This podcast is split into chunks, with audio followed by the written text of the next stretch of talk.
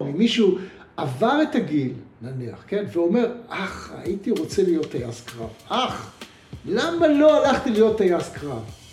אז זה לא אומר שהחלום שלו נגוז, הוא יכול להיות טייס פייפר. נכון. אפשר להגשים את זה, נכון? רק צריך לבנות את הדרך. היי חברים, ברוכים הבאים לפודקאסט שלי, כל הלב. אני רותם, אני המנחה שלכם. כל הלב הוא הבן הבכור של עמוד האינסטגרם אינסטוש לב. אם אתם לא עוקבים, אתם כמובן מוזמנים להגיע ולעקוב. במפגש הזהיר שבין המוח ללב, עומדת אני במטרה לראיין אנשי לב. מטפלים, יוצרים, אומנים, שותפים לדרך, שבאיזשהו רגע בחיים השתמשו בבינת הלב במקום ברציונל. בואו עם לב פתוח. היום אני מראיינת את שמואל הנדלר. ב-20 שנה האחרונות שמואל יועץ עסקי ומאמן אישי. הוא מתנדב בעמותה קרן שמש, עמותה שמעודדת יזמים להקים עסקים, וכתב את הספר המפתחות לקריירה מנצחת. שמואל טוען שקריירה מנצחת קיימת רק במקום שיש בו שמחה ותחושת ערך עצמי. במקרה, או שלא במקרה. שמואל הוא גם המנטור האישי שלי והיועץ העסקי שלי. הוא מלווה אותי לא רק בתחום העסקי, ואני חושבת שהולכת להיות שיחה מאוד מעניינת. כדאי לכם להישאר. בואו נתחיל. היי שמואל. היי, מה שלומך? אני בסדר גמור, אני מתרגשת אה, מהמעמד אוקיי. לראיין אותך. נהדר, אני שמח להתראיין אצלך. איזה כיף לנו. שמואל, רוצה לספר לנו למה אתה פה? למה הזמנתי אותך? מי אתה? מה אתה? אוקיי, נתחיל עם זה שאני אה, אה, מאמן ויועץ עסקי. אה, השיטה שלי זה חשיבה תוצאתית. אה, להשיג, אה, להשיג תוצאות כמה שיותר מהר. אוקיי, אתה עושה את זה כבר במשך 20 שנה, נכון? כן. אתה רוצה לספר קצת את הרקע המקצועי שלך? מתי התחלת? מה הוביל אותך להיות מה שאתה היום? כן, אה, אני התחלתי בגיל 25, הפכתי להיות עצמאי, ומאז אני מנהל עסק. העסק הלך וגדל, ועסקתי ביבוא, עסקתי בשירות תיקונים למוצרי חשמל, גם לבית וגם למסעדות ולבתי מלון. בשלב מסוים הפכנו להיות חברת יבוא. אה, ועברנו אה, יותר לייבא ציוד אה, למטבחים, למלונות, פרויקטים גדולים, וניהלתי צוות של 50 אנשים, כולל אנשי מכירות, כולל אנשי שירות, שנתנו שירות למוצרים האלה. זה העסק שלך הפרטי? זה העסק שלי הפרטי, ובשנת אה, 96 מכרתי את העסק לחברה מתחרה שלי. נשארתי מנכ"ל עוד עשר שנים בחברה, הבאנו הרבה מאוד הצלחות, ובשנת 2006 בעצם פרשתי מהעסק, אה, למדתי את התחום של הקואוצ'ינג, או אימון, איך שקוראים לזה, אה, בטכניון. לימדתי בטכניון אה, בערך שנתיים, אחר כך אה, עשיתי קורסים כ supervisor, אורח חיים בריא, וכן הלאה וכן הלאה, ואני מאמן בעצם מאז, משנת 2006 עד היום. מדהים. ומה השיטה שלך שבה אתה עובד? השיטה שאני עובד היא שיטת חשיבה תוצאתית. שמה זה אומר בעצם? זה אומר להגיע לתוצאות בצורה נכונה ומהירה, ולניהול זמן נכון. איך עושים את זה? איך עושים את זה? אוקיי. אה, כדי שזה יקרה, צריכים לקרוא מספר דברים. אחד, צריך להבין מה הערכים שלנו. אולי אני אפרט אחר כך מה הערכים, מה זה ערכים. אה, צריך ל, אה, לנהל את הזמן נכון. אני אסביר גם איך מנהלים את הזמן. אה, צריך אה, לרשום מטרות, והכי חשוב הוא לרשום את החלום שלנו. שהחלום שלנו בא מהלב, הוא הדבר הכי חשוב. והרבה אנשים בעצם פוחדים לחשוב מהלב ולרשום את החלום שלהם. הם חושבים שזה דבר משוגע. אבל זה בדיוק מה שצריך לעשות כדי להצליח בעסק. העסק יכול להצליח אך ורק אם אנחנו עובדים מהלב שלנו, ואוהבים את מה שאנחנו עושים כל הזמן. קטע שאנחנו באמת מפחדים לחלום. אה, אנחנו מפחדים להעיז אפילו להעלות את זה על הדעת שלנו, שזה הכי מטורף. נכון. זה הקושי הכי גדול לרוב המתאמנים שלי, להתפרע, לרשום את החלום שלהם. כי הם חושבים שזה דבר אה, לא הגיוני, זה לא יקרה אף פעם, אבל אני יכול לספר לכם שביל גייטס כתב, אה, כשהוא היה נער בן 19, שהוא התחיל רק לחשוב על נושא מחשבים, שאז זה היה ממש בחיתולים, הוא רשם על הקיר במוסך של אבא שלו, אני רוצה שהתוכנה שלי תהיה בכל בית בעולם. את ההמשך אתם יודעים כבר, וואו. מה קרה. איזה כיף לו שזה הצליח לו. נכון, זה יכול להצליח לכל אחד. אולי לא נשיג את החלום במלואו, אבל אנחנו לפחות נתקרב אליו. שזה מזכיר דרך אגב את הריצה. נכון. אבל אנחנו נשאיר את זה לאחר כך. אה, באמת רציתי, גם עוד משהו שלא אמרנו עליך, זה שלא סתם אתה נראה כל כך צעיר לגילך. רוצה לספר אה, על הריצה בכמה מילים?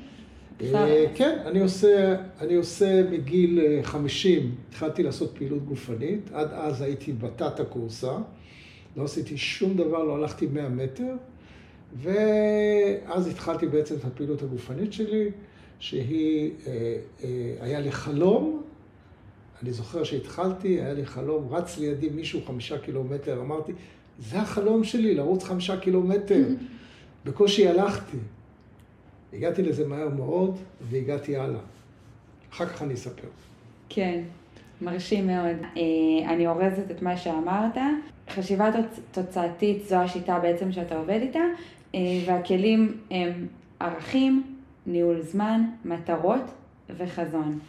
נכון. אז אני רוצה עכשיו שנצלול כזה טיפה לכל אחד מה, מהכלים, כדי שתספר אה, גם למאזינים וגם לי איך אתה אה, עוזר בעצם לאנשים להגשים את החלומות שלהם? אז אה, נתחיל עם זה שכל אדם בעצם הוא המומחה לחיים שלו. הוא יודע הכי טוב מה טוב לו ומה רע לו, אוקיי? אז אם אנחנו נגיד שבן אדם הוא מומחה לחיים שלו, אז הוא גם יודע מה הערכים שלו, זה ברור, נכון? לא, לא תמיד. זה תמיד. הוא יודע, רק הוא לא מודע. לערכים. אוקיי. Okay? Okay. הוא לא מודע. ו... ואני יכול להגיד ככה, לבן אדם יש הרבה מאוד ערכים, אני תכף אתן דוגמאות מה זה ערכים, אה, אבל יש לו בסך הכל חמישה, שישה, שבעה מקסימום ערכים שהם ערכים מרכזיים אצלו. מה זה ערך מרכזי? ערך מרכזי זה בעצם ערך שהוא לא מוכן לוותר עליו. כלומר, אם הערך הזה לא קיים, זה מאוד מפריע לו. בוא ניקח דוגמה רגע לערך, סתם כדי. אוקיי. אמ, כבוד. כן, ניקח כבוד, ערך של כבוד. אם לבן אדם ערך מרכזי הוא כבוד, והוא נפגש, סתם, לדוגמה, עם אנשים שלא מכבדים אותו, או לא מעריכים את מה שהוא עושה, הוא לא יכול להיות במחיצתם בכלל אפילו. עד כדי כך. אם הוא נמצא במקום עבודה והוא משקיע את כל מרצו להצליח ולהראות שהוא עושה דברים למען החברה, והמנהלים לא מעריכים אותו, והערכה זה לא הרבה, אלא להגיד, וואי, איזה יופי, עשית עבודה נהדרת, או כל מיני דברים קטנים כאלה, הוא לא יכול להישאר לעבוד במקום הזה. הוא פשוט יסבול כל הזמן עד שהוא יעזוב. וזה יקרה מהר מאוד. זה סתם דוגמה לערך של כבוד. כמובן, יש עוד ערכים, משפחה, יש אה, אה, יושר, או נקרא לזה אמינות, או אה, אסתטיקה, יש עוד ערכים, הרבה מאוד ערכים שיש לבן אדם, ואנחנו צריכים בעצם לזהות את הדברים שמפריעים לנו. על ידי זה אנחנו בעצם יכולים לגלות איזה ערכים יש לנו, מרכזיים כמובן. Mm-hmm. כל מה שמפריע לנו זה ערך. אוקיי, אז אה, בעצם אנשים מגיעים אליך לטיפול, לאימון. כן, זה לא אה, טיפול, זה אימון. זה אימון, סליחה. אני לא פסיכולוג. כמעט. אוקיי. כמעט פסיכולוג. אה, מגיעים לאימון ומתחילים באמת עם השלב הזה של זיקוק ערכים, נכון.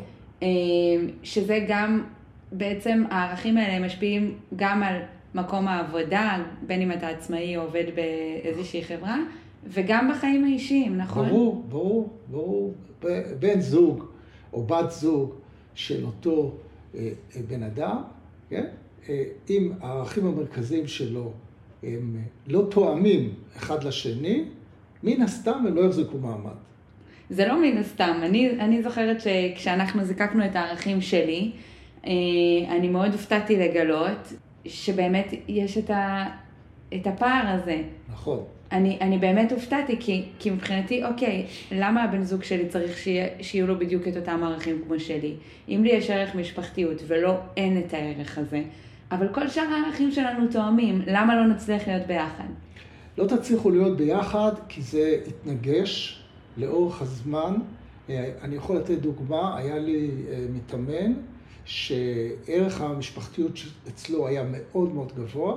יתר הערכים, הוא ואשתו היו זהים ובסדר, והוא טען לעצמו, הוא ידע שמשהו לא תקין עם הערך משפחתי, הוא לא, הוא לא בא ואמר, הוא לא קרא לזה ערך משפחתי, אבל הוא ראה כבר מההתחלה שיש לה בעיה עם משפחה ובכלל בזה, ואמר, אני אתקן את זה. אבל הוא לא הצליח לתקן את זה, והם התגרשו. וואלה, ואתה ידעת? הם התגרשו בזמן שהוא היה מתאמן כן, איתך? כשהוא התאמן איתי, כשהוא התאמן איתי, הוא אה, לא רצה להתגרש בגלל הערך הגבוה שלו, ערך המשפחתיות. הוא אמר, אני לא מפרק משפחה. זה, זה מאפיין בן אדם שהערך המרכזי שלו זה משפחה. אני לא מפרק משפחה, מה פתאום, יש לי שלושה ילדים, רק בניתי בית. היא תישאר איתי, אין דבר כזה. היא רצתה להתגרש, כן? וזה בגלל הלחץ של המשפחה כמובן, אוקיי? כי אין לה ערך משפחה חזק. ומה שקרה, שהוא התאמן איתי, והוא גילה בעצמו שזאת הבעיה, תוך שבועיים הוא התגרש. וואו. אחרי שנה הוא כתב לי מייל, מצאתי מישהי שעבדתי בדיוק לפי הערכים שאתה הראת לי, או יותר נכון, שיקפת לי, זה מה שאני עושה, אני בעצם משקף בסופו של דבר, ויש לי בת זוג נהדרת. וואו, מדהים. כן.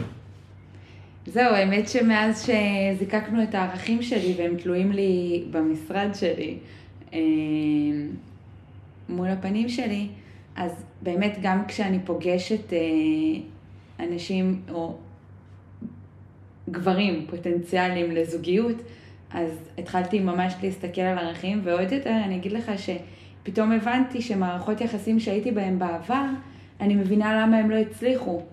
כי אם אני מסתכלת על הערכים של אותו אדם, ועל הערכים שלי, הם לא תואמים. וגם פתאום היה לי מאוד קל לשחרר, כי אמרתי, זה לא משהו בי פגום, זה גם לא משהו בו פגום. פשוט אנחנו לא משדרים אה, על אותו תדר. נכון, נכון, בדיוק. אז אה, זה מאוד... ואי אפשר לשנות את זה. הכי חשוב להבין שזה לא ניתן לשינוי. וגם, דרך אגב, בעבודה עם, ה...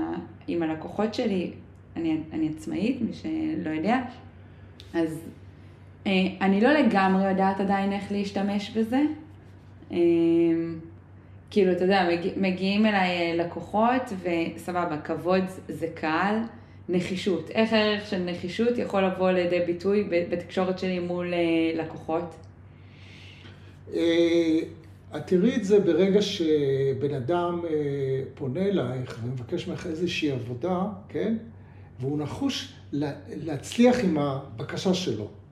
זאת אומרת, זה לא שהוא אומר, טוב, תעשי משהו וזהו, כן? אלא הוא יתקן לך, הוא ישאל אותך שאלות. אז והוא... זה יתאים. נכון. הוא ירצה, הוא ירצה שתעשי לו את זה בצורה מסוימת. הוא יהיה נחוש שאת גם תצליחי בעבודה שלך, כן? את תרגישי את זה בשיחה, כן? אולי זה לא יבוא בשיחה הראשונה, אולי זה יבוא בשיחה השנייה, את תראי לו דוגמאות, ואז אה, הדברים ישתנו, אוקיי? בהתאם לזה. אה, הנושא של הערכים, לאט לאט לומדים להבחין בהם. זה לא בא בבת אחת, אבל זה קורה על ידי שאלות, הקשבה בעיקר, הקשבה לצד השני. כשמקשיבים לצד השני, אז שומעים מה, מה כואב לו בבטן, ואז בעצם יודעים על ידי זה לאט לאט מה הערכים שלו, שזה נורא חשוב. יש עוד דבר אחד, אם אני אמשיך אה, את ההמשך של האימון, של איך, איך נעשה האימון, יש גם נושא של חסמים, mm-hmm. שמפחידים אותנו כל הזמן. נכון. וחסמים זה גם דברים שצריך לזהות אותם על ידי שיחה ש... אה, שאני מנהל את, ה... את התהליך, אני שואל את הצד השני בעצם כל מיני שאלות, אני משקף לו כל מיני אה, דברים שפה הוא אומר, לא, לא, זה אני לא עושה, אני לא יכול, אני, אני, אני, אה, זה, ואז אנחנו מנתחים את המקרה, ובסוף אנחנו שואלים, טוב, אז מה יקרה? והתשובה בדרך כלל, שום דבר. מה זאת אומרת? אני אתן דוגמה. כן, דוגמה זה הכי טוב. אני אתן דוגמה, יופי. היה לי מתאמן שהוא אה, פחד לדבר עם אנשים. הוא היה בחור צעיר, מאוד רצה זוגיות, ולא לא הצליח אה, לתקשר עם אף בחורה. וכשתחקרתי אותו, אז הוא סיפר לי שהוא גר ברחובות, והוא כל יום נוסע לתל אביב ברכבת, ומולו יושבת בחורה מאוד שהוא היה רוצה להתחיל לדבר איתה, ולא יוצא לו מהפה. ואז שאלתי אותו את השאלה, ואם תדבר איתה, מה יקרה? שום דבר. ואז נפל לו האסימון שלא יקרה כלום. למחרת הוא נסע, ושאל אותה מה שעה. לא, לא שאל איזה שאלה, זה, וככה התחילה השיחה. והוא צלצל אליי אחר כך בהתרגשות, כן? שהסתבר לו שהיא גם רווקה, היא גם לא נשואה, זאת אומרת רווקה לא נשואה כמובן, ואין לה גם חבר. הם יצאו? והם התחילו לצאת, כן. די. כן. שמואל, זה מטורף מה שאתה מספר לי. כן. זה מקרה, כן? זה לא, לא תמיד מצליח, אבל אני אומר, זה דבר שקרה. אוקיי? בגלל זה אני נותן את זה כדוגמה. שאיזה בן אדם מופנם שהוא הגיע אליי, הוא לא יכל להוציא מילה מהפה אליי. זהו, אני נגיד מרגישה את החסמים, נגיד, אה, סתם חסם, אה, לבקש אה, סכום מסוים של כסף. כן, אה, זה גם חסם בעסק, נכון? וזה גם מאוד עוזר לי, האימון איתך, להבין שאני אני בסוף כאילו מבקשת כסף בשביל עבודה שאני עושה, ולא רק עושה, אני חושבת שאני עושה אותה טוב. אבל יש לנו הרבה חסמים, או נגיד פחד להגיד למישהו ש, שאני עובדת אצלו ומשלם לי, שאני התחלתי לעבוד בעוד מקום. אה, כאילו כל מיני דברים כאלה שאני נתקלת בהם, או איך לבקש העלאה בשכר. איך ל... כן. זה דברים שהם מאוד מפחיד, משתקים. משתקים, אבל יש לזה פתרונות. חוקרים אותם, מטפלים בזה, ובסוף זה עובד וזה קורה. אז נגיד מה, איך אתה עוזר לבן אדם שמפחד או חושש לבוא ולבקש העלאה בשכר? אני שואל אותו שאלה. קודם כל, מי הבוס שלך? מי הבן אדם? אם זה, אם את עצמאית זה סיפור אחר, אם אתה שכיר זה סיפור אחר, כן? כי שכיר מכיר את הבוס שלו באופן שוטף כל יום, נכון? Mm-hmm. ואז הוא יספר לי, הוא אדם כוחני, והוא צועק על כולם, וזה וזה וזה, אני פוחד לגשת אליו בכלל. הוא קמצן. לא יודע, קמצן אני לא יודע, אבל הוא מרגיש שהוא מאיים עליו. כאילו, הוא מאיים עליו בזה. אז אני שואל, תגיד לי בבקשה, האם עובדים אחרים קיבלו העלאה, או שגם הם פוחדים לדבר איתו? אם הוא אומר לי כן, סימן שלכולם יש את החסם הזה, ואם הוא אומר לי לא, סימן שיש כאלה שאין להם בעיה איתו. Mm-hmm. לפעמים אדם שצועק זה כמו כלב נובח. לא נושך. הוא לא נושך. זאת אומרת, הוא נובח כדי שכולם יפחדו, אבל בעצם הוא לא עושה שום דבר. ולכן, אין בעיה לקבוע איתו פגישה, לבוא בצורה מסודרת ולהגיד לו את כל מה שאתה חושב לגבי עצמך, ולמה מגיע לך העלאה. זה יותר טוב מה שלא להגיד. עכשיו, אם נגיד סתם בצורה גורפת, הוא אומר לך, כל החברה מפחדת ולא מעיזה. אז אתה מעודד את אותו בן אדם כן, עדיין ללכת ב... בוודאי.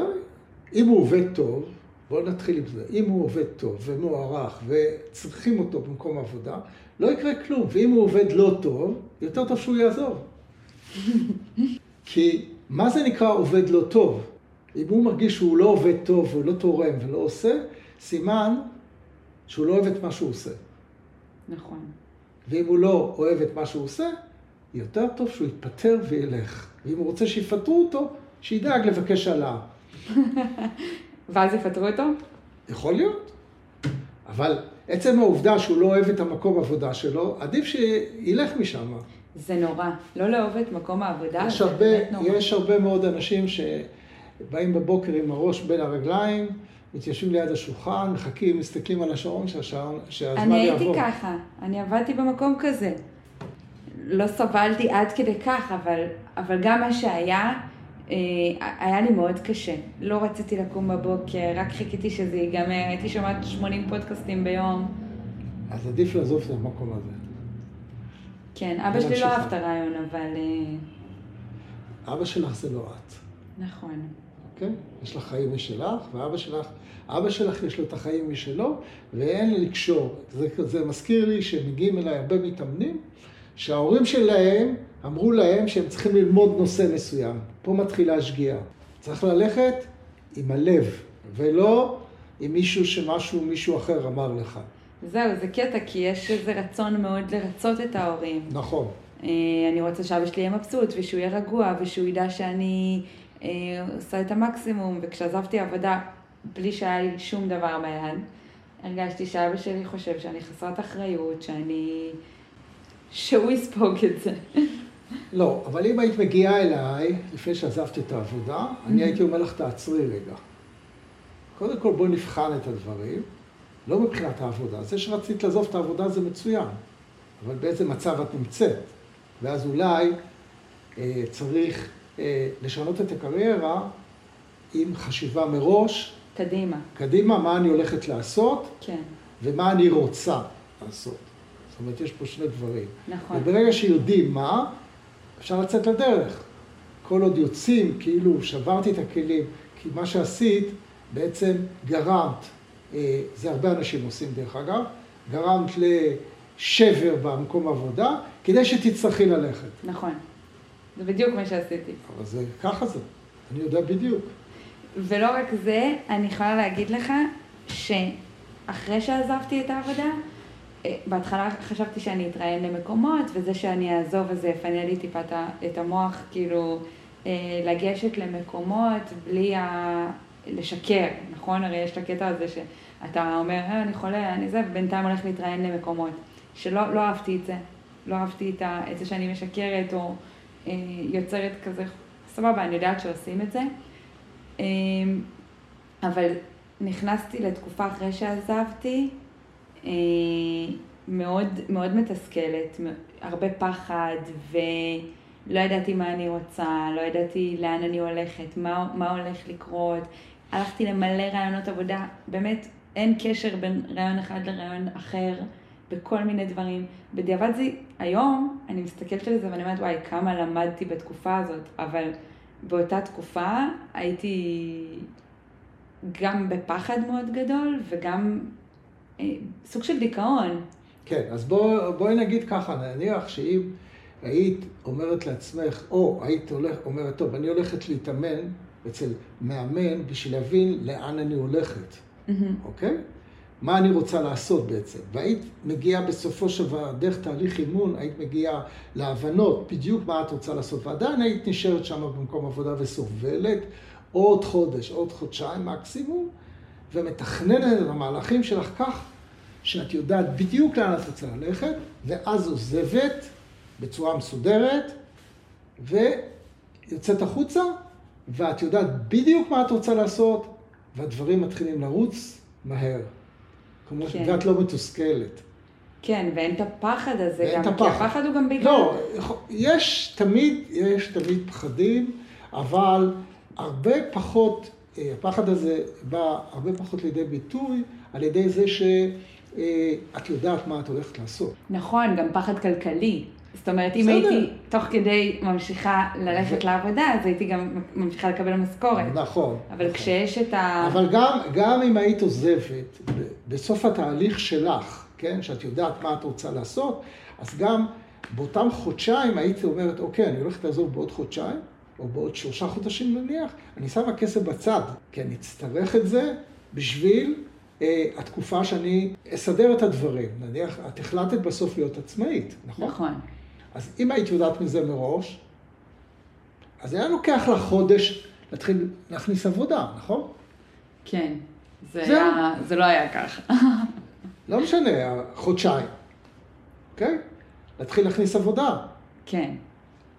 אפשר לתכנן את הכל, גם את המהלך הזה, איך להכניס עבודה, אפשר לתכנן מראש, ולא להתחיל להתברבר עם עצמך עוד חודשיים, עד שאת חושבת, אה, הייתי צריכה לעשות ככה. כן, יש דברים שלומדים... אה, תוך כדי, נכון? כן, אבל אפשר, כדי. אפשר למנוע אבל אותם. כן אני יכולה להגיד שהיום בדיעבד, אם אני ארצה לעשות איזשהו שינוי תעסוקתי או שינוי גדול בחיים שלי, אני, כאילו, בדיעבד לא הייתי עושה את ההחלטה הזאת. כן הייתי סופגת את, ה, את הזמן שלא כיף לי ללכת לעבודה ו, ומתכננת, כדי לא להגיע למצב שהגעתי אליו. נכון. אז אה, אז זה, אז זה ככה, ההמשך, ההמשך, זה קשור אחד לשני, וזה איך אנחנו מנהלים את הזמן שלנו. Mm, זהו, אז, זה, אז עד עכשיו דיברנו, אה, אמרנו, חשיבה תוצאתית, יש לה כלים, ערכים זה הכלי הראשון, עכשיו אנחנו עוברים לניהול זמן. כן. יא, אז מה זה ניהול זמן? מה זה ניהול זמן? ניהול זמן זה כמו שאנחנו שומעים, בעצם יש לנו ביום 24 שעות. מהמם. אנחנו צריכים אה, את היום לחלק ככה, שאנחנו נוכל אה, להגשים את כל מה שאנחנו רוצים. כדי שזה יקרה, אנחנו צריכים להכניס ביום, ביום הזה את כל הדברים שאנחנו חושבים שאנחנו יכולים להספיק באותו יום. מה זה אומר? זה אומר לנהל את הזמן. לכתוב? אני צריכה לכתוב? לכתוב, לכתוב, לכתוב הכל, מזה שצריך בן אדם לעשות קניות, אה, בן אדם יוצא בערב, אה, צריך לנוח, צריך לקנות בגדים, צריך אה, לקחת את הילדים מהגן, צריך כל מה שקשור לניהול היומיומי, כולל כל מה שקשור לעבודה. גם כשאנחנו עובדים, אני יכול לתת דוגמה שיהיה קל להבין, אה, היה לי אה, מנהל, מנהל בכיר בהייטק, חברת הייטק כלשהי. מה זה הוא היה מנהל? הוא, לא, הוא היה בעצם מנהל פיתוח. תחתיו היה צוות גדול של אנשים, וכל היום הוא התעסק במיילים ובטלפונים. הוא לא הספיק שום דבר. והדבר הזה גרם לו לעבוד, אחרי שכולם הלכו הביתה, הוא היה צריך לעבוד עוד 6-7 שעות, כן? ולא לראות את הילדים שלו. כי אחרת הוא היה נכשל. והוא רצה להראות לבוסים שלו שהוא מצליח. יש מה לעבוד אנשים. על ידי ניהול זמן נכון, גרמתי לו לסיים את העבודה בזמן וגם לראות את הילדים. איך? הוא היה צריך לנהל את הזמן. טוב, זה לא לשיחה של אה, מהמם. שתיים, שלוש כן, דקות. צריך לה- להעמיק בזה. צריך להעמיק בזה, אבל הניהול זמן הוא, אני אגיד ככה, שהניהול זמן הוא חלק נכבד מההצלחה שלנו בכל דבר שאנחנו עושים. אם זה בעסק, אם זה בחברה, אם זה בתור שכיר, זה ההצלחה שלנו. בלי זה, זה לא עובד.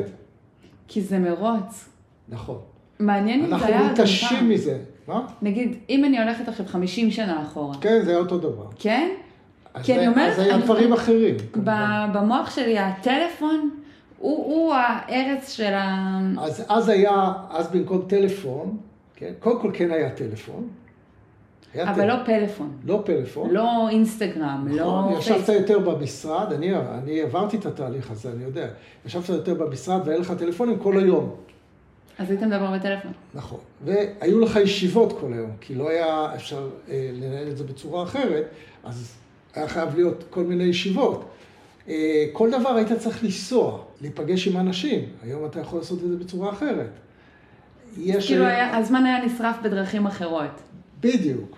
היה זמן. עכשיו, עם ניהול זמן נכון, גם את זה היה, זה היה עובד טוב. אני למדתי את זה על הבשר שלי, אני לא ניהלתי את הזמן נכון, והתפספסו לי המון המון דברים בגלל זה, כי אתה מפספס הרבה דברים, וזה גורם לנזקים כספיים. בוא נגיד, וואלה. כן? זה גורם לנזקים כספיים, כי, כי אז אתה לא שם לב איך זה בורח לך, הדבר הזה. ברגע שאני אספר לכם איך אני התחלתי לנהל את הזמן. איך? אני, היו לי קרטונים כאלה, לא היה טלפון, לא היה מחשב, היה מחשב כזה מצ'וקמק, לא מה שהיום, כן? הכל היה ידני. אז היו לי קרטונים, הייתי בא בערב הביתה, יושב וכותב את כל מה שאני צריך לעשות, כולל כל דבר ודבר, ושם את זה בכיס. בבוקר אני בא, שולף את הקרטון הזה, ומתחיל, אה, זה אחד, זה שתיים, זה שלוש, והייתי רושם את הזמנים גם, Mm. כמו יומן. והייתי מעביר את הכל, יכולתי לרשום את זה גם ביומן, אבל היה לי נורא נוח הקרטון הזה, כי זה היה נייד. יומן, נו, לך תסחוב יומן לכל מקום. זה לא טלפון, כן. תחשבו שיומן היה משהו גדול. בעצם לא... אה, גוגל עשו את הקלנדר. נכון, כאילו עכשיו יש לנו, כמה זמן זה ייקח לי. נכון, בדיוק. זה אז אני עשיתי את זה על. קרטון. חתיכת קרטון שהיה נכנס בכיס פה, היה לי כיס כזה, הייתי הולך עם קרטון, אנשים קראו לי האיש עם הקרטון. וואלה. כן, זה עזר? מאוד. מה זה? זה ניהל לי את הזמן בצורה אה, מדויקת. כי לא עשיתי, לא היה מצב שעשיתי, אה, מה, גם אם היה נכנס לי איזה בלטם, אז הייתי מוחק מהקרטון, ולוקח קרטון חדש ורושם מחר, למחר. כי הייתי רושם תאריך למעלה, כמו יומן, זה היה יומן, אבל... כי יומן, היומנים אז לא היו קטנים או ניידים. זה היה יומן שולחני, גדול. כן. הייתי רושם גם ביומן, אבל... אבל כן, היה לך פתק בשלוף כל פעם שאתה צריך לדעת, אוקיי, מה המשימה הבאה? מ-10 עד 11 אני בישיבה עם אה, בני, מזה זה, אני... בדיוק. ככה. זה, זה רק לא צלצל. סבבה, זה לא רע, זה לא רע.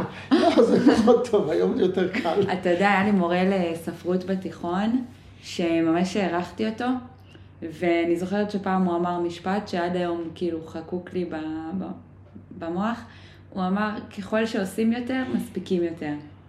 כאילו, אל תגידו לי אין לי זמן, כי היינו כזה באים, למה לא עשית שיעורים? לא היה לי זמן. והוא אמר, תקשיבו, חברים, אין כזה דבר. אני, יש לי ילדים, יש לי משפחה, יש לי זה, אני מנהל את זה, אני... לא, הוא ניהל זמן, הוא ניהל זמן. בדיוק.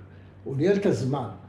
ברגע שאתה מנהל את הזמן, אתה מספיק הכל. כמובן, יש לך דברים שהם פריוריטי ויש דברים שהם פחות, אתה גם יכול להזיז את זה, לקבוע, אבל אתה קובע לך את הזמן. זמן זה משהו נתון שאי אפשר לשנות אותו. מה זה אומר? יש לך, אתה עובד שמונה שעות, תשע שעות, עשר שעות, אז יש לך עשר שעות.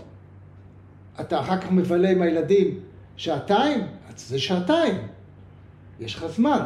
אתה רוצה ללכת עם אשתך לסרט? זה שלוש, שעתיים? שעתיים. כתוב, אני הולך לסרט.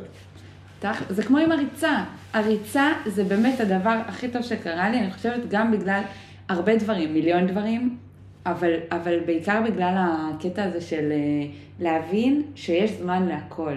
נכון. אם אני יכולה לקום ולהתאמן, כי זה כתוב לי שהיום יש לי אה, עשרה קילומטר ואני חייבת לצאת כדי להספיק ל... לא יודעת, למרוץ או וואטאבר, ואני לא מוכנה לוותר על זה. עכשיו בגלל שאני פצועה, אז אני לא רצה. כבר שבוע שני, אתה לא מבין כמה זמן יש לי. אני אומרת, מה עושים אנשים שלא רצים? יש להם מלא זמן בחיים. אין להם זמן. את תשמעי מהם את התשובה, אין לי זמן. אז זהו, אני לא מספיק. לימדה אותי, שיש זמן להכל. נכון, יש זמן להכל, וגם אה, כל, כל פעולה שאנחנו עושים, כן? אה, אה, זה בעצם אה, משהו שאנחנו מתכננים את הזמן נכון, אנחנו גם מספיקים אותו, ועושים את זה. לא דוחים, הדחיינות נעלמת. אז זהו, מה יש לך להגיד נגיד על דחיינות? ניהול זמן. לחכות לרגע האחרון לא, ניהול זמן. את קובעת מתי את עושה, וזהו. ועושה. ועושה, כי יש לך את הזמן. לא, למה דוחה? בעצם, זה לא בגלל שאת לא, לא אני יודעת דוחה. כי אני אומרת, בסדר, אני יכולה להגיש את זה ביום אה, שלישי, אז למה שאני אעשה את זה עכשיו? לא משנה, תקבעי ביום שני, את יכולה להגיש את זה ביום שלישי, אני אעשה את זה ביום שני, את קובעת זמן. זהו, מה זה משנה מתי? את צריכה את הזמן הזה. הלו, מה יקרה? בואי נראה. נניח שיש לך בחינה ביום שלישי, מהמם. אוקיי? ואת דוחה את הלימוד לבחינה עד יום שני. עכשיו, ביום שני יש לך כל מיני דברים לעשות, נכון? מה קורה? מגיע הלילה, את מתחילה ללמוד כל הלילה. את מגיעה לבחינה עייפה, מתה, ונכשלת. או מצליחה בפוקס. כן, או מצליחה בפוקס או בערך. כן, אז אה, אה, זה, לכן אמרתי שניהול זמן זה הצלחה, שווה הצלחה. כן? עכשיו, מה זה חזון? דיברנו עליו. לא, רגע, אז עכשיו אנחנו עוברים למטרות, כי היה לנו ערכים, ניהול זמן, עכשיו אנחנו בכלי השלישי, מטרות. מטרות. אז אני אנסה להפוך את זה. אני אגיד שקודם כל צריך לחלום בשביל שיהיה לנו מטרות. אה, אוקיי. אז אנחנו קודם נדבר על החזון ואז על המטרות. נכון. להגשמה. אז בעצם מה אנחנו אומרים? אנחנו אומרים, אנחנו חולמים לעשות משהו, אוקיי? עכשיו, יש לנו חלום כלשהו. לכל בן אדם יש חלום כלשהו. וזה לא מתבטא בכסף. אף אחד שלא יגיד, אני, החלום שלי, שיהיה לי הרבה כסף. ברגע ש... יש כאלה שיש להם את החלום הזה? כן. הם חושבים שזה החלום האמיתי שלהם, אבל זה לא החלום האמיתי שלהם. למה? כי בעצם כסף זה אמצעי בלבד, אבל מה תעשה עם הכסף? אוקיי, יש לך עכשיו מיליארד שקל. אני הולכת לטייל בעולם. הסתובבת עשרים פעם מסביב לעולם, מה עכשיו? תקשיב, את החלום שלך. מה עכשיו? אוקיי, אז לכן חלום בדרך כלל זה לא חלום של כסף. הכסף בא בעקבות זה שאנחנו עושים מה שאנחנו חלמנו עליו. זאת אומרת, אנחנו צריכים לרשום לעצמנו מה החלום שלנו, בלי לפחד. בלי לפחד ולהגיד, לא, אני, אני רוצה להיות טייס קרב, אבל אני יודע שאני לא אהיה טייס קרב, אז מה אני ארשום את זה? זהו, באמת. אה, מה לגבי דברים שכאילו... לרשום. כל מה שנראה, אני בכוונה אמרתי טייס קרב, כן? אבל תלוי באיזה גיל אומרים את זה, כן? כן. אם אומרים את זה בגיל 16, אז זה יכול להתגשם, נכון? נכון. אבל אם אני רוצה להיות טייסת קרב, טכנית, עכשיו אני רוצה להיות טייסת קרב, אני, אני יכולה? בואי נגיד, את לא יכולה להיות טייסת קרב, אבל אולי את יכולה להיות טייסת uh, של מטוס בואינג. יכול להיות. נכון? מזל שאני לא רוצה. לא משנה, אבל אני מדבר על, על, אני מדבר על חלום. אם מישהו עבר את הגיל, נניח, כן, ואומר, אך, הייתי רוצה להיות טייס קרב. אך, למה לא הלכתי להיות טייס קרב? אז זה לא אומר שהחלום שלו נגוז, הוא יכול להיות טייס פייפר. נכון. אפשר להגשים את זה, נכון? רק צריך לבנות את הדרך. עכשיו, בואו נלך קצת יותר, תסתכל אה, על זה קצת יותר אה, אה, מורכב. Mm-hmm. כי חלום בדרך כלל הוא משהו שאנחנו אומרים, אוקיי, נגיע לגיל מבוגר, הגענו כמעט לחלום, או הגשמנו את החלום שלנו. נוכל להגיד, כן. שימו לב על מה אני מדבר, אני מדבר על להגיד, יכול להיות שאני הייתי רוצה משפחה עם שלושה ילדים, עם וילה במושב, סתם דוגמה, כן? אה, שיהיו לי סוסים בחצר, כן? אני אוהב מאוד לרכב על סוסים, אז שיהיה לי סוסים בחצר, או אני אספן מכוניות שאני אוכל לקנות, אה, שיהיה לי מכוניות בחצר, או אני אוהב לטייל, אז אני אוכל לטייל, או כל מיני דברים מהסוג הזה. לדוגמה, כן, משפחה, אה, שיהיו לי נכדים, שאני עוד אהיה צעיר, שיהיו לי כבר נכדים. אני ארצה להיות ספורטאי גם בגיל מבוגר. ולהמשיך בפעילות הגופנית שאני עושה כל הזמן, אה, ושאני אוכל להצליח בזה, ושאני אנהל את הזמן שלי כמו שצריך. זה, אני הייתי אומר, מבחינה משפחה. חלום של משפחה. יכול להיות אוקיי. גם משהו אחר, כן, סתם נתתי דוגמה בנאלית, אבל זה יכול להיות כל דבר שקשור למשפחה, או לא משפחה, או אני לא רוצה משפחה, אני לא רוצה ילדים ולא רוצה נכדים, אוקיי? ולא רוצה לחיות. וזה, לא, זה החלום שלי. רוצה להסתובב בעולם כל הזמן. רוצה לגלות מקומות נידחים. יש כאלה אנשים שמסתובבים בעולם ורק מחפשים כל מיני חיים בכל מקום. נוודים, יש מלא דברים, כן. נכון, אז זה, זה גם חלום שיכול... אה, אה, אוקיי, אז מה אני עושה עם החלום? רגע, אפשר לחלק את זה עכשיו לתחום הקריירה. Mm. אם מישהו לא חולם להסתובב בעולם ולחפש כל מיני מקומות נידחים, אז הוא צריך גם לחלום על הקריירה שלו. מה הוא היה רוצה שיקרה בקריירה שלו, ולהתפרע עם זה, כמו שביל גייטס התפרע. אפשר אבל גם לשלב. אפשר לשלב. משפחה כן. לקריירה. כן, נכון, יפה. מה אנחנו עושים עם זה? אנחנו עכשיו, ברגע שרשמנו לנו את החלום, אנחנו אומרים, אוקיי, בואו נראה, נרשום לנו מטרות. המטרה הכי קרובה שאני מציע לאנשים בדרך כלל לעשות... רגע, נגיד עכשיו החזון, אני רושמת אותו בכמה, במשפטים או בדף, בכמה? בכמה, במשפטים, סיפור. סיפור, זה יכול להיות סיפור. אוקיי. ממש סיפור, לספר סיפור.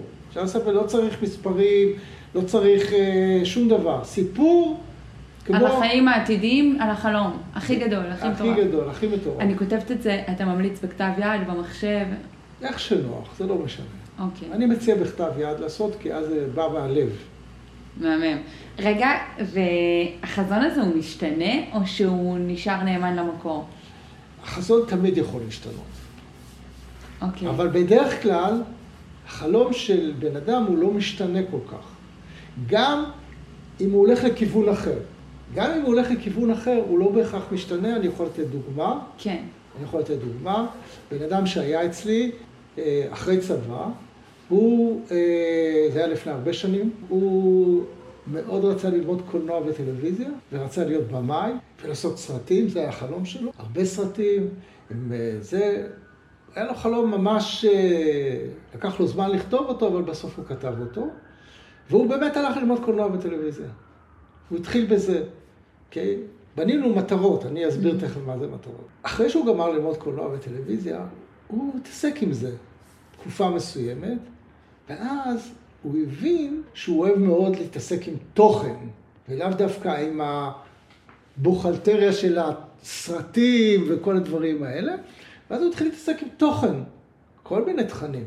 והוא כתב uh, מחזות, הוא כתב סרטים, והוא לא כל כך התעסק בכלל בקולנוע, ממש, mm-hmm. אלא הוא, הוא הגיע מהצד השני לקולנוע, או בכלל לאנשים דרך סיפורים, דרך אה, אה, הופעות, דרך כל מיני דברים כאלה, והיום כשאני פוגש אותו הוא אומר, בעצם החלום שלי התגשם בדרך אחרת, אבל זה אותו חלום. אז הבאתי לכם דוגמה של אה, בן אדם שחלם משהו, הוא השיג את החלום שלו בדרך אחרת, היה לו סטייה בדרך, אבל זה אותו חלום בסוף.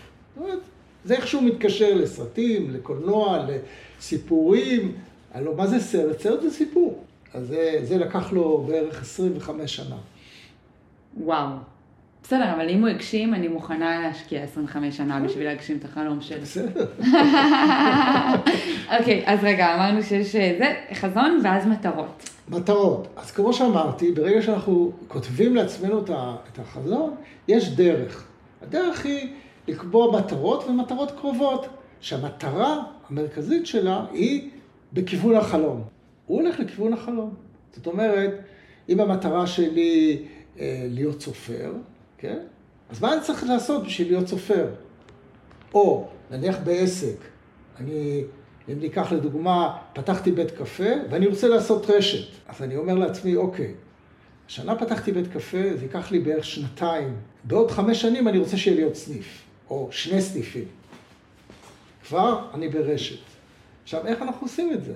מפרטים, עושים תוכנית עסקית, עושים את כל הדברים, ו... מנהלים את הזמן נכון. וואו.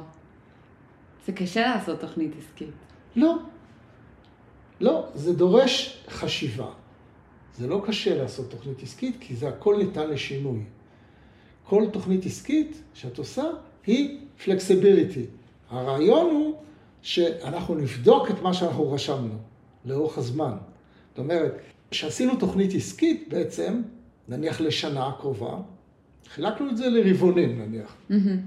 אז כל רבעון אנחנו צריכים לבדוק איפה אנחנו נמצאים, איזה שגיאות עשינו, מה לא עשינו, מה כן עשינו, ולתקן לרבעון הבא. ועד סוף השנה לנסות להשיג את המטרה שהחלטנו עליה. ואם לא הצלחנו, אז נתקן את ה... את התוכנית? תוכנית הבאה, כן. או לבדוק גם למה לא, מה קרה שם. ברור שתמיד צריך לבדוק אחורה למה לא, ולהסיק מסקנות, ועל ידי זה לתקן. כן, אבל באמת התוכנית מגדילה את הסיכויים להגיע רחוק. נכון. כי, כי שוב, זה בדיוק כמו בריצה. אם יש לי תוכנית, אה, הנה, יש לי שם על המקרר, תוכנית אה, ריצה, אז אני יודעת שאני צריכה ביום שבת לרוץ ככה וככה קילומטר. גם אני לא הגעתי ל-17, אז עשיתי 15, אבל זה כבר יותר טוב מזה שלא הייתי עושה בכלל, או שהייתי עושה 10. אז כל פעילות גופנית היא, היא בדיוק כמו עסק. אנחנו מציבים לעצמנו מטרה, לא משנה מה, בשחייה, בריצה, באתלטיקה, הוא זה, מי שלא עושה את זה גם לא מגיע. אין דבר כזה, למה, ב, למה בספורט בונים תוכנית? לכל, אני, אני רוצה לרוץ חצי מרתון, מישהו בונה לי תוכנית, או שאני מוריד תוכנית, ואני אגיע אה, לחצי מרתון. כי יש לך תוכנית. בדיוק. זה בדיוק גם כמו, למדתי בבצלאל, זה כמו אה, פרויקט גמר. פרויקט גמר, מה זה פרויקט גמר? זה לא באמת פרויקט שמחר הולך להיות בחנות. ויש איזה שלושה חודשים, אנשים חושבים שזה שנה, אבל זה בערך שלושה חודשים, שצריך להתחיל פרויקט מאלף עד תף, ולהגיע ליום הזה של המעמד ההגשה אה, עם פרויקט מוכן, שיש לו אה, את כל המחקר, את כל ה... וזה דורש מאמץ מאוד מאוד גדול. כאילו, בלי התוכנית הזאת, בלי התאריך הדדליין, אין שום סיכוי שמגיעים עם prototype, עם מחקר, עם כל כך הרבה דברים. עכשיו, עכשיו תחשבי שמנהלים גם את הזמן, נכון. איך זה היה עובד, אוקיי? וואו. זה היה הרבה יותר קל ממה שאת עכשיו תיארת, את הקושי. קושי מטורף. למה זה קושי? אבל בואי נראה רגע אחד.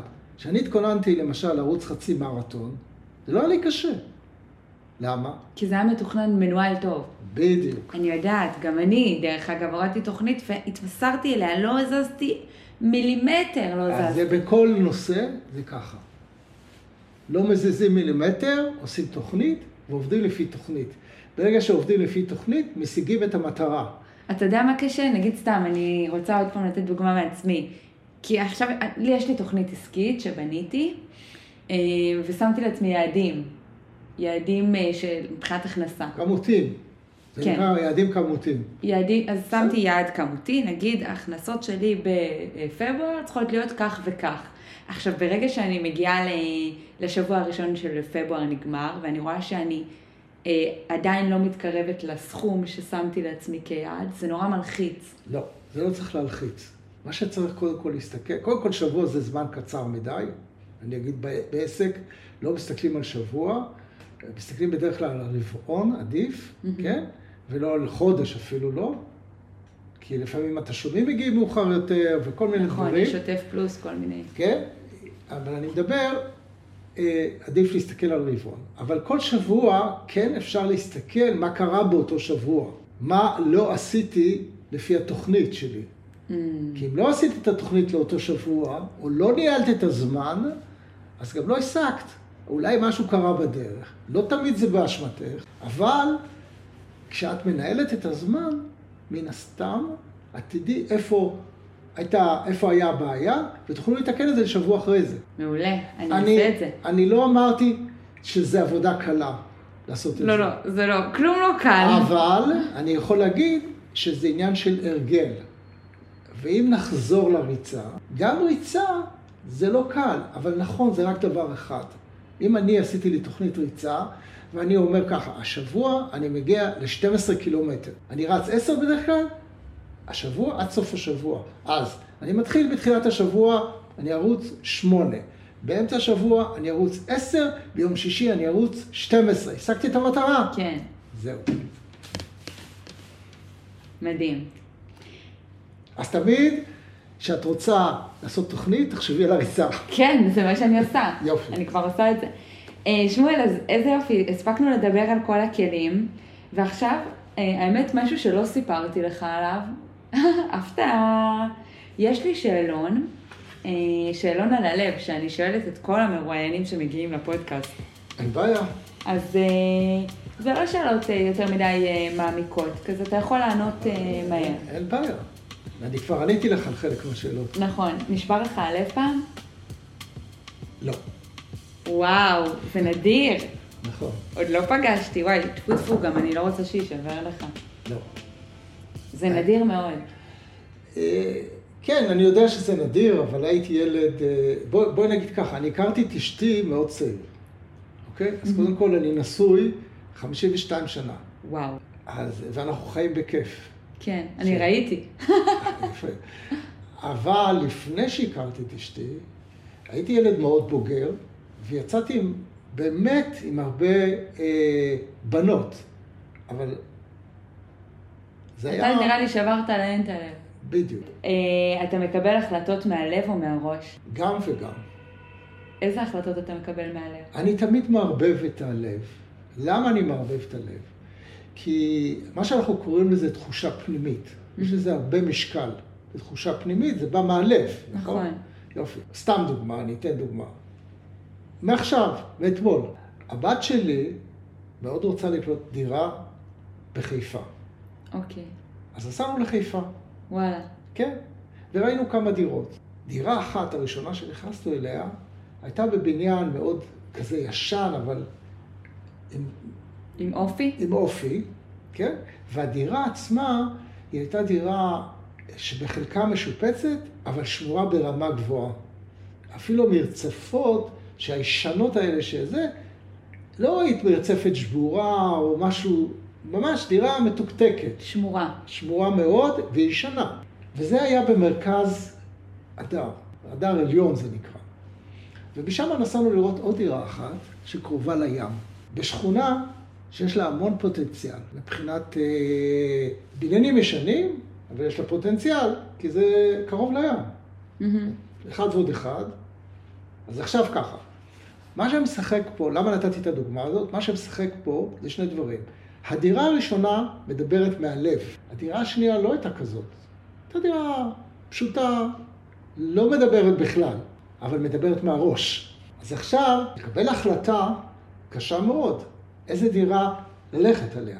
ללכת על הדירה עם הפוטנציאל, אז זה, אני חשבתי שעדיף ללכת על הדירה עם הפוטנציאל, והבת שלי מדברת מהלב, Mm-hmm. ולכן היא רוצה את הדירה הראשונה, שיש לזה גם חשיבה מהראש.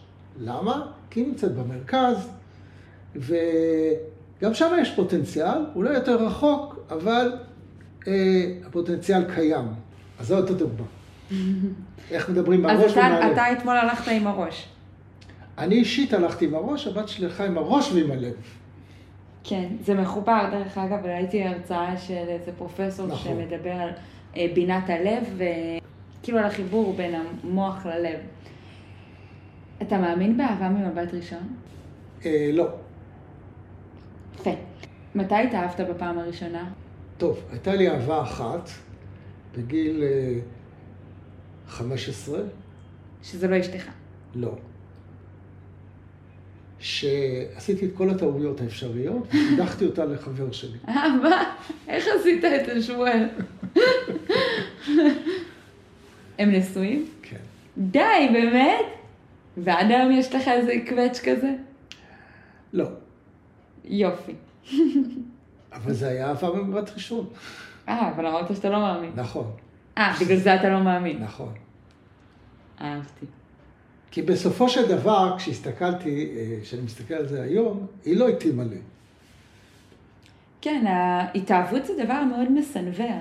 נכון. ההתאהבות אה, גורמת אה, לא לראות את הצד השני בצורה הנכונה. לכן אני מזהיר תמיד את הנשים ואת הגברים גם, דרך אגב, אוקיי, התאהבתם, תעצרו.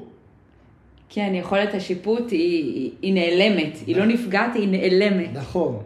כן. ברוב הגירושים שיש היום טיק טק כזה, זה, זה בדיוק מהסיבה הזאת. כן. אני יודעת, אני, אני ממש התאהבתי בהרבה, הרבה פעמים התאהבתי. אני יודעת מה זה, זה סם. סם האהבה. כן, כן, נכון, נכון, נכון. כן. זה, זה, אה, יש לי חברה טובה, ידידה טובה יותר, נכון, היא, יותר, היא הרבה יותר צעירה ממני, שאנחנו התאמנו ביחד בחדר הכושר. תמיד היא ניצלה את זה שאני מאמן וזה, והביאה לי כל מיני זה, ואני כל הזמן אמרתי לה, את מחפשת משהו שלא מתאים לך. את לא חושבת מספיק לעומק, את רוצה להתאהב. היא לא נשואה עד היום. אבל דבר אחד היא עשתה, שאני האצתי לה, שהגיעה לגיל 49, אה, אה, אמרתי לה, תביאי ילד. הביאה? כן. גם אחותי. כן. זה מאוד, זה החלטה מאוד... אה, לא, היא לא רצתה. נכונה. היא לא רצתה. היא אמרה כל הזמן, לא, אני בלי שיהיה לי בעל, אני לא מוכנה להביא ילד ולא זה, ואני דיברתי איתה על זה כבר מגיל 46, לא, לא בגיל 49. בסוף היא השתכנעה. יופי, זו החלטה טובה. היום היא אומרת לי. היא אומרת לך? כן. ברור. היא אומרת, בזכותך יש לי ילד. לא שלך, אבל יש לי. אה, שברת למישהו את הלב, אמרת לי שכן. זהו, השאלון אה, הסתיים, כי על השאר דיברנו על ההבדל בין אהבה להתאהבות. אה, וגם תכלס, אתה לא תאמין, אבל אנחנו עוד מעט מדברים שעה. אה, שמואל, אני רוצה להגיד לך ממש תודה שבאת, ותודה ש... אה, לא דיברנו על דבר חשוב. לא, אני רוצה לדבר על זה. אין בעיה. בוא נדבר עוד איזה כמה דקות על, על זה שאתה מתנדב. בעצם אה, אני הגעתי אליך דרך עמותה שנקראת קרן שמש. כן. אה, בעצם אה, אתה מתנדב בעמותה, שזה דבר מדהים בפני עצמו, ואני רוצה שנדבר על זה. למה אתה עושה את זה? אני התחלתי, אמרתי, התחלתי לאמן בשנת 2006, וכשסיימתי את הלימודים, היו לי הרבה מתאמנים, וגם אחר כך עוד שיפרתי הרבה מאוד בתחום האימון, כל מיני קורסים, ואמרתי שגם לימדתי קצת. בקיצור, אני מאוד אוהב את תחום האימון. וקרן שמש זה בעצם כבר הפעם השנייה שאני מתנדב. אני התנדבתי בעוד אה, סוג של התנדבות, אם אתם, בתחילת המלחמה אה, שהייתה ב... בדרום, היו שם, ממש בהתחלה, בהתחלה, שכחתי, הייתה, הייתה מלחמת, היה לזה שם, אני לא זוכר את השם. אה, אחרי המלחמה היו הרבה אנשים שפשוט אה, לא הסתדרו עם עצמם. וכל, לא, לא קשור למלחמה כל כך, אבל הם שייכו את זה למלחמה. ואז חיפשו כל מיני מתנדבים שיעזרו להם. Mm-hmm. ואני התנדבתי שם, והיו לי מקרים מדהימים של אנשים שפשוט או שהטראומות של המלחמה עשו להם כל מיני בעיות, או שהם היו גם קודם ככה. זאת אומרת, לא... אני יכול לספר על מקרה אחד, שהיה לי מישהי שהיא הייתה מנהלת אה, פסיכולוגיה לאנשים, שימו לב, היא הייתה פסיכולוגית, היו לה פסיכולוגים, זאת אומרת, ממש אה, היה לה, היה לה צוות שטיפל באנשים, והיא עצמה הייתה פסיכולוגית, אה, והיא בעצם שהיא שמעה שיש מתנדבים שמוכנים לאמן, שזה, שהפסיכולוגים מאוד מתנגדים בכלל לנושא של האימון, הם אומרים שזה סתם mm-hmm. בולשיט. אה, היא רצתה שאני אאמן אותה. זאת אומרת, נתנו לה רשימה של אה, כל מיני מאמנים שהתנדבו, אני התנדבתי. זה התחיל משם. מאוד נהניתי מהאימון איתה, ואני לא אספר את כל הסיפור, אבל זו הייתה הצלחה. שאחר כך היא כתבה לי גם מכתב תודה, ו... אה, והיא אמרה שהוכחתי לה שאימון אה, יש לו ערך גדול מאוד, לא פחות מפסיכולוגיה. זה היה בשבילי בעצם, עכשיו, למה אני עושה את זה בהתנדבות? כי זה ממלא אותי, פשוט. אותו דבר קרן שמש. אני נהנה לאמן, ולפעמים יש לי חורים, ואין לי בעיה, יש לי את הזמן. כי אתה יכול בעצם. מה? כי אתה יכול. כן. אני, אתה יכול אני, לתת. אני יכול לתת, ואני אוהב לתת. אני עוזר לפעמים לאנשים, בלי קשר לקרן שמש ולזה, לבד, אה, אני עוזר לאנשים שאני רואה שאין להם את היכולת לשלם עבור האימון, אני עוזר להם ומאמן אותם. שמואל, זה מדהים. זה מדהים, וזה... כשסיפרתי למורה שלי לאנגלית ש... שאתה אה, שיש לי מאמן ו... ושהוא מתנדב, אז פתאום אמרה לי, וואו, אני גם רוצה להתנדב. ואז אמרתי לה, וואי, את יודעת, פיתה? גם אני רוצה להתנדב. אה, יש בזה משהו אה, כל כך... סיפוק. אני רוצה להגיד... מעורר השראה. אבל זה לא רק מעורר השראה, אני, לא בגלל שזה מעורר השראה, אני רוצה להגיד משהו אחד נורא חשוב, שגם אמרתי לך אותו, אבל אני אחזור על זה לצורך ההקלטה. מה אנחנו מחפשים בחיים? משמעות. לא. אנחנו מחפשים להיות מאושרים. מה זה אושר? נתינה. לא. סיפוק. מדהים. ברגע שבן אדם מסופק, הוא בעצם מאושר. עכשיו, שימו לב מה קורה. ברגע שאני נותן למישהו משהו, ואני גורם לו לעשות שינוי בחיים שלו, בקריירה שלו, בחיי המשפחה שלו, והוא הופך להיות בן אדם יותר שלם עם עצמו, אני מאושר. מדהים. מדהים. אז זה, זה נותן את התשובה לכל השאלות שלך. נכון. נראה לי זה גם משפט ממש מסכם טוב את, ה, את הפרק. נכון. תודה, שמואל, על הכל. בכיף. תודה ש... על הכל. אנחנו נעשה עוד אחד. כן. זהו, עד כאן להיום חברים וחברות. תודה רבה לשמואל הנדלר. אם נהניתם, אם היה לכם כיף, אם הפרק הזה נתן לכם ערך, בבקשה מכם תעבירו אותו הלאה למישהו אחד שאתם אוהבים. ניפגש בפרק הבא. ביי.